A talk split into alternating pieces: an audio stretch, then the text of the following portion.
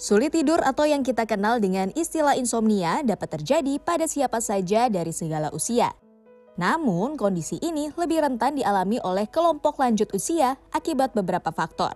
Hal ini pula yang dialami oleh Niko Wijaya, pria berusia 63 tahun yang mengaku telah mengalami gejala insomnia sejak lima tahun terakhir. Usai tak lagi aktif bekerja, Niko mengaku lebih sulit untuk tidur dan kerap kali terbangun pada malam hari.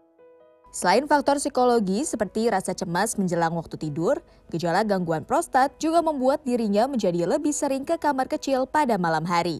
Saya kadang-kadang di situ jadi lama untuk ber, memeramkan mata lama sekali. Bisa pun palingnya cuma satu jam balik bangun lagi tersentak.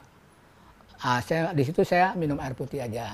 Nah, terus udah saya tidur saya rebahan karena lama sekali rebahannya, jadi saya istighfar. Ya. Dokter spesialis bedah saraf RSUD Dr. Sutomo Joni Wahyuadi menyebut, prevalensi insomnia pada lansia memang lebih tinggi, bahkan mencapai 67 persen jika merujuk pada data Organisasi Kesehatan Dunia WHO.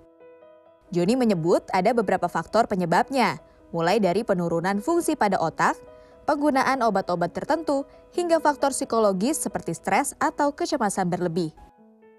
Jadi pada saat kita tidak bisa tidur nyenyak, maka toksik itu macam-macamnya itu bisa terakumulasi dan itu tidak baik.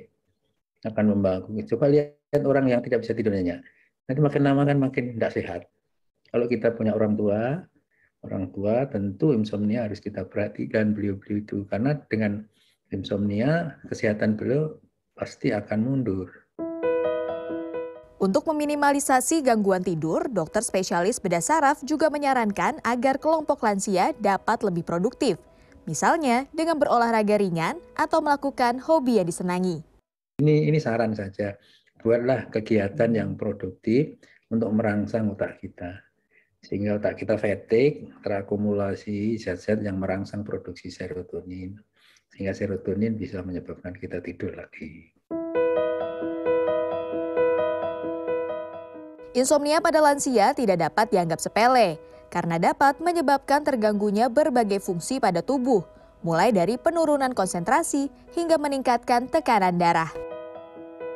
Selain menjaga tubuh tetap aktif, penting pula untuk mengelola pikiran agar tidak mudah cemas ataupun stres berlebih yang akan semakin memperparah kondisi sulit tidur tersebut. Menjaga kualitas tidur penting, sebab dengan tidur yang berkualitas artinya kita turut menjaga hidup agar tetap sehat. Nabila Putri, Warsa, Jakarta.